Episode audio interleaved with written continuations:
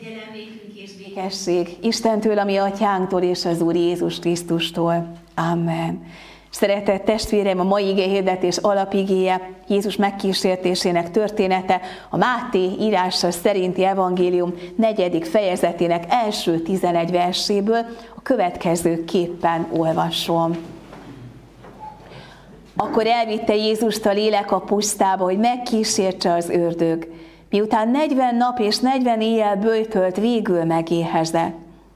Ekkor oda ment hozzá a kísértő, és ezt mondta. Ha Isten fia vagy, mondd, hogy ezek a kövek változzanak kenyéré. Ő így válaszolt. Meg van írva, nem csak kenyérrel él az ember, hanem minden igével, amely Isten szájából származik. Ezután magával vitte őt az ördög a Szentvárosba, a templom párkányára állította, és így szólt hozzá. Ha Isten fia vagy, vesd le magad, mert meg van írva, angyalainak parancsot ad, és kézen fogva vezetnek téged, hogy meg ne üsd lábadat a kőben. Jézus ezt mondta neki, viszont meg van írva, ne kísértsd az Urat, a te Istenedet. Majd magával vitte az ördög egy igen magas hegyre, Megmutatta neki a világ minden országát és azok dicsőségét, és ezt mondta neki, mindezt neked adom, ha leborulva imádsz engem. Ekkor így szólt hozzá Jézus, távozz tőlem, sátán, mert meg van írva, az Urat, a te Istenedet imád, és csak neki szolgálj. Ekkor elhagyta őt az ördög, és íme angyalok mentek oda, és szolgáltak neki. Amen.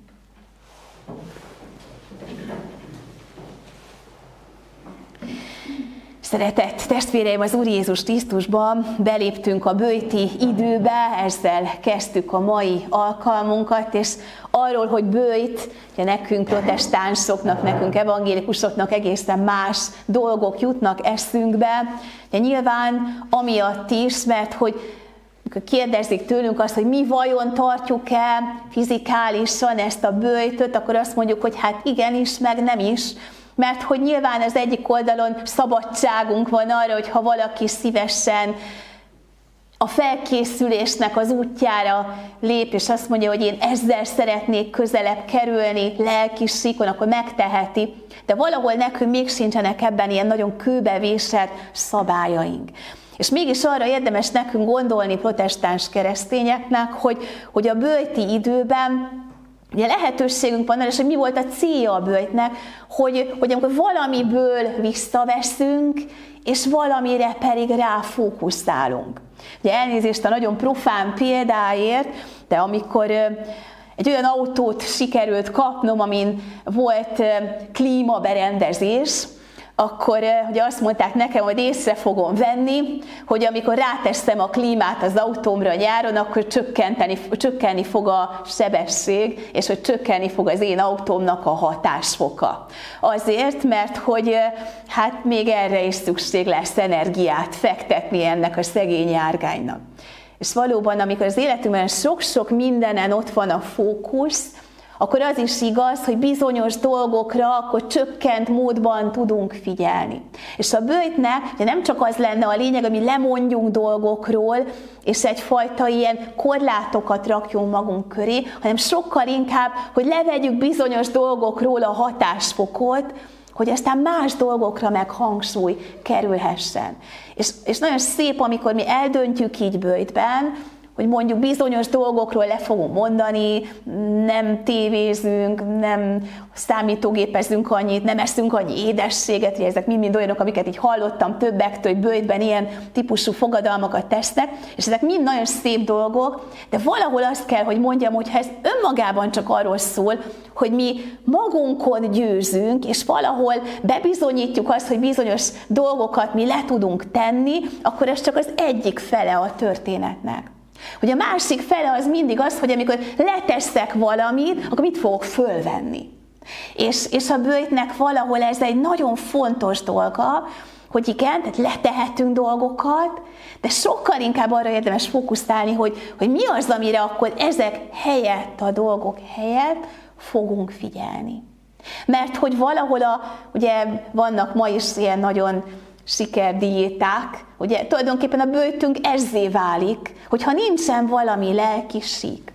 Ö, azt kell viszont mondjam nektek, nagyon őszintén, hogy nekem azért van egy nagyon komoly kontrollom, és ez pedig az ifjúsági csoport. És amikor rákészülök a vasárnapi ige hirdetésekre, akkor sokszor eléjük kerülnek az én gondolataim, amik ilyen ige hirdetés foszlányok. És hát tőlük van a mondatom, hogy ezért egyikük azt mondta nekem pénteken, hogy na jó, jó, de hát azért épp testben, épp lélek hogy azért nem lehetne ezt ennyire ketté választani, hogy bizonyos módon azért mégiscsak, amikor mi bőjtölünk, az azért visszahat a mi lelki életünkre, és hogy fordítva is igaz, és, és nagyon hálás vagyok nekik ezért a szempontért, mert igen, ez nagyon fontos szempont. Tehát valahol ezt a kettőt együtt érdemes látni. A, azt is, hogy kihat a lelki életünk a testére, meg fordítva, sokat gondolkodtunk már együtt, és hogy néha, amikor, amikor ember nagyon ö, nehéz lelki állapotban van, akkor azt is szokták nekünk javasolni, hogy akkor tegye nagyon keretbe az életét. Mert hogyha megtartja a rendet, a rend megtartja őt. És ez néha arról is szól, hogy mondjuk legyen a, az étkezésünknek is rendje, meg a napunknak is rendje. És ez valahol kihat a lelki életünkre. És a bőti időben nyilván arra figyelünk, hogy a lelki életünknek is legyen rendje.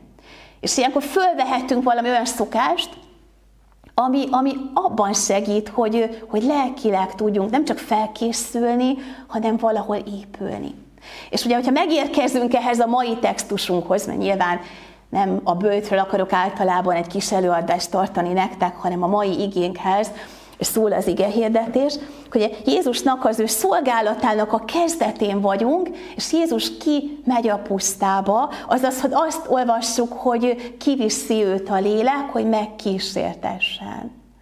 És ez az ő szolgálatának a legelső lépéseinek az egyike, és ott aztán ugye próbatételek alá kerül az ő élete.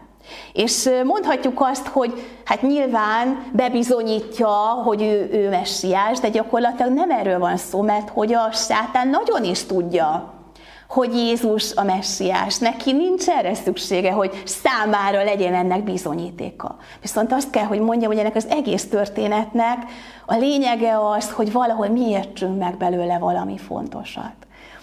Mert hogy, mert hogy mi a puszta?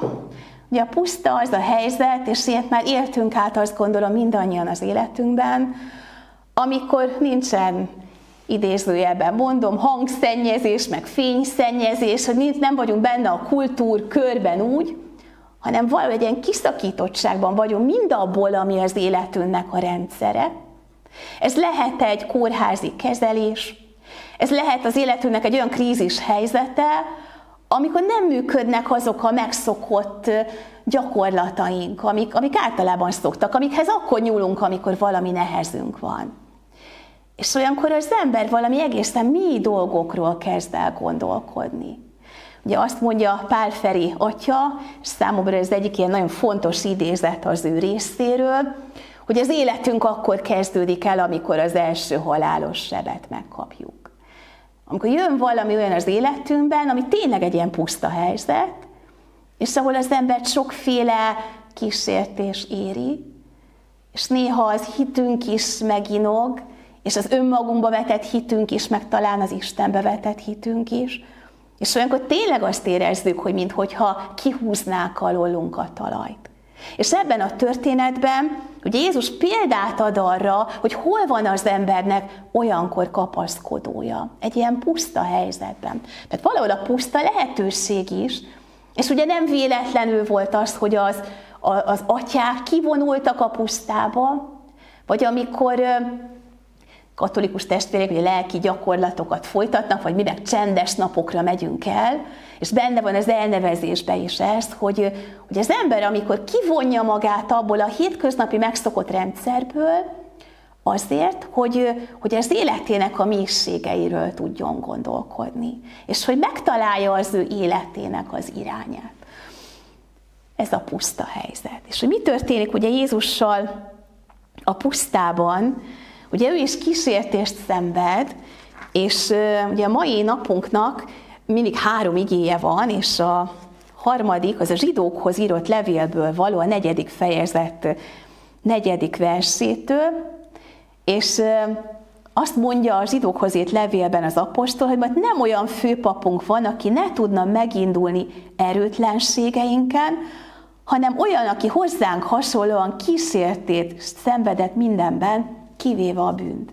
Tehát Jézus kísértést szenved, és valahol nekünk példa az, hogy ő hova nyúl, mihez nyúl akkor, amikor ő kísértést szenved.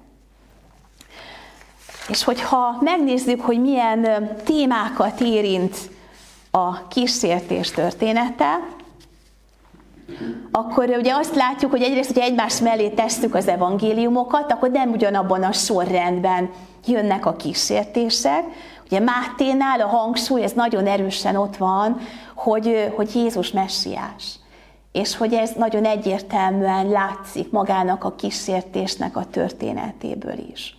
És igen, a sátán számára alig ha kérdés, hogy Jézus Isten fia, hanem az a kérdés, hogy hogyan cselekszik ebben a helyzetben. És, és a kísértő ugye folyamatosan az elbizonytalanításnak az eszközével él. Ugye, hogyha visszagondolunk ott arra az igére, ami az oltár elől hangzott, ugye akkor, amikor valami fekete-fehér, azt nekünk nagyon könnyű megkülönböztetni. Ugye a szürke zóna mindig a veszélyes, és, és amikor a, a sátán ilyen féligasságokat mond, aminek van ilyen igazság magja, részlete, de az egész meg mégsem igaz. És, és azt mondja az asszonynak is ott az elején, hogy hát azt mondta az Isten, semmiről se hettek. De nyilván egyértelmű hazugság. És aztán, amikor azt mondja neki, hogy hát hiszen az Úristen becsap titeket, és ő gyakorlatilag csak azt nem akarja, hogy, hogy okosak legyetek, és a saját életetekben meghozzátok a magatok döntéseit. És, és összezavarodik ez az asszony. És hányszor van ez, hogy döntéseket kell hoznunk, és nem azért nem tudunk hirtelen döntést hozni, mert nem vagyunk elég intelligensek, hanem mert a tények, amik a rendelkezésünkre állnak, olyan zavarosak és egymásnak ellenmondóak. És ebben a helyzetben az ember tényleg azt érzi, hogy Uram Jézus, hol van az a bölcsesség, ami engem most ebben elvezet? És hát ugye azt is mindig meg szoktuk hallani ebből az igéből, hogy, hogy azért a gonosznak ott a történetben nagyon célja az, hogy Jézust is kibillentse az ő küldetéséből. És, és ezért mondja neki azt, hogy az igékkel alá támasztva, ráadásul, ugye még nem is akár mit hoz, hanem Isten szavával támasztja alá. És ezt csak én exkurzusként mondom, hogy, hogy mennyire, mennyire durva dolog az, amikor mi is valahol így akarunk egymásra hatni, hogy ilyen Isten igéjével próbálkozunk nevelni a másikat. És hogy mennyire nem mindegy, hogy az ember mire használja az Istennek az igéjét. És hát a gonosz is az Isten igével támadja be Jézust, ami egészen durva gondolat, és valóban ez történik. És nem csak ott, hanem a kereszten is. Ugye mit mond? Ugyanezt mondja, amit a kísértésnél mond, hogy na, ha Isten fia vagy, akkor szállj le a keresztről. Ha Isten fia vagy, akkor cselekedj és bizonyíts. És, és Jézus akkor nem neki felel meg, hanem értünk felel meg, és fennmarad azon a bizonyos kereszten. Amikor a bőjti időről gondolkodunk, akkor eszünkbe juthat az, amit Luther mondott arról, hogy, hogy a mi lelki életünknek milyen sarokpontjai vannak, és azt mondja, hogy az első az az oráció, az imádság, akkor a másik a meditáció, ami arról szól, hogy Isten igényén gondolkodunk. És valahol a bőjt az ebben nekünk lehetőség. Ugye a hatásfokot, hogyha a lelki életünkön növelni akarjuk, akkor igyekszünk kicsit több időt szánni erre. És, és a harmadik pedig, ugye azt mondja, hogy, hogy az pedig a cselekvésről szól. És, és hát, hogy valahol így, így jön ez egymás mellé, hogy imádság, e, Isten igényén való gondolkodás, és aztán pedig jön ebből egy cselekvés. És, és Jézus életében is így van, hogy ő kimegy a pusztába imádkozni, aztán aztán ott van a kísértés, és hogy hogyan válaszol ő a kísértésre. Mondhatni úgy, hogy Isten igével válaszol, de hogy Isten igéhez nyúl, hogy ő oda, oda, onnan kér bölcsességet, ő maga, pedig hát ő maga Istennel egy. És ebben, ebben mintát ad nekünk, hogy, hogy tulajdonképpen mi is odaállhatunk ezekkel a, a szürke zónákban, nagyon is oda mehetünk Isten elé, meg, meg bármikor is, de akkor meg különösen, amikor tényleg azt érzi az ember, hogy Uram, hát ez is igaz, meg az ellenkezője is, meg hogy mindenben van valami irány, és akkor most én hogyan döntsek? És ha megnézzük ezeket a konkrét részeket, hogy milyen témákban kap kísértést Jézus, akkor ezek olyan témák, amik bennünket is nagyon hát milyen tudnak érinteni. Hát ugye mit mond neki először? Jézus 40 napig, 40 éjjel bőjt, ez a 40-es szám már önmagában sokféle őszi bibliai történetet előhív bennünk, ugye nyilván a 40 éves vándorlásnak az idejét is, amikor az Isten népe megérett arra, hogy valóban letelepedjék, és, és ekkor megy oda hozzá a kísértő, és ez is olyan mintaszerű, hogy, hogy mikor jönnek nekünk a kétségbejtő gondolataink, amikor valami olyan mély lelki állapotba tud az ember kerülni. Amikor lehet, hogy fizikálisan is egy, egy nagyon nehéz helyzetet élünk meg lelkileg is, és akkor jönnek ilyen, ilyen nagyon kemény helyzetek és próbák, mint hogyha egy a legyengült állapotunkra lenne ez kiélezve. És hát ugye nyilván Jézus ember része valóban megvan ott törődve fizikálisan nyilván, és azt mondja neki a kenyér kérdésben, hogy, hogy akkor változtasd ezeket a köveket kenyéri. Hát nem? Be tudnád tölteni a saját szükségletedet? Hát meddig tartana az neked? És emlékszünk arra az ötezret is, Jézus megvendégeli neki. Ez nem kérdés, hogy ő tudna magának bármilyen módon akár egy óriás lakomát szervezni, de az egésznek akkor elveszne az értelme. És Jézus azt mondja, igen, de hogy az ember életét azt nem csak a fizikális dolgok táplálják, hanem az ember életét a lelki dolgok táplálják. És valahol ez a kettő nagyon-nagyon összefügg. Ugye, hogy mondja Luther is, hogy imádság, hogy meditáció, hogy cselekvés. hogy valahol elindul onnan ez.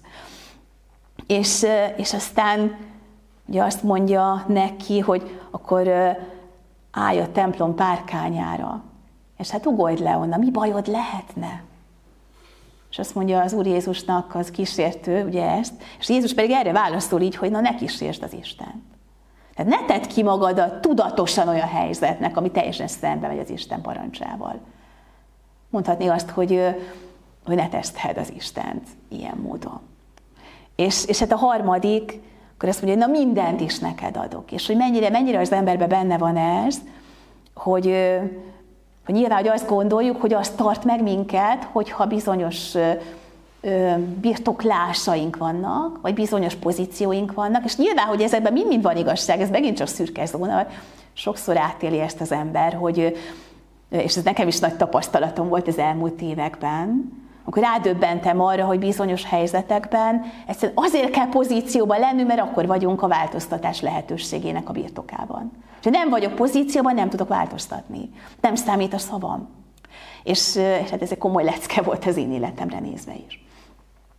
De, de minden esetre mégsem azok vagyunk, amit birtokolunk, és mégsem azok vagyunk, amilyen rangunk van, mert hogy mindezek a dolgok azért mégiscsak mulandóak. És milyen érdekes ez, ahogyan elkezdődik a bőti időszak, és ugye most nálunk a lelkészgyűlésen azzal kezdődött, hogy pont hamvazó szerdán voltunk együtt, és, és hát mi is kaptunk egy keresztet ebből a bizonyos hamuból ezen, a, ezen az Isten tiszteleten.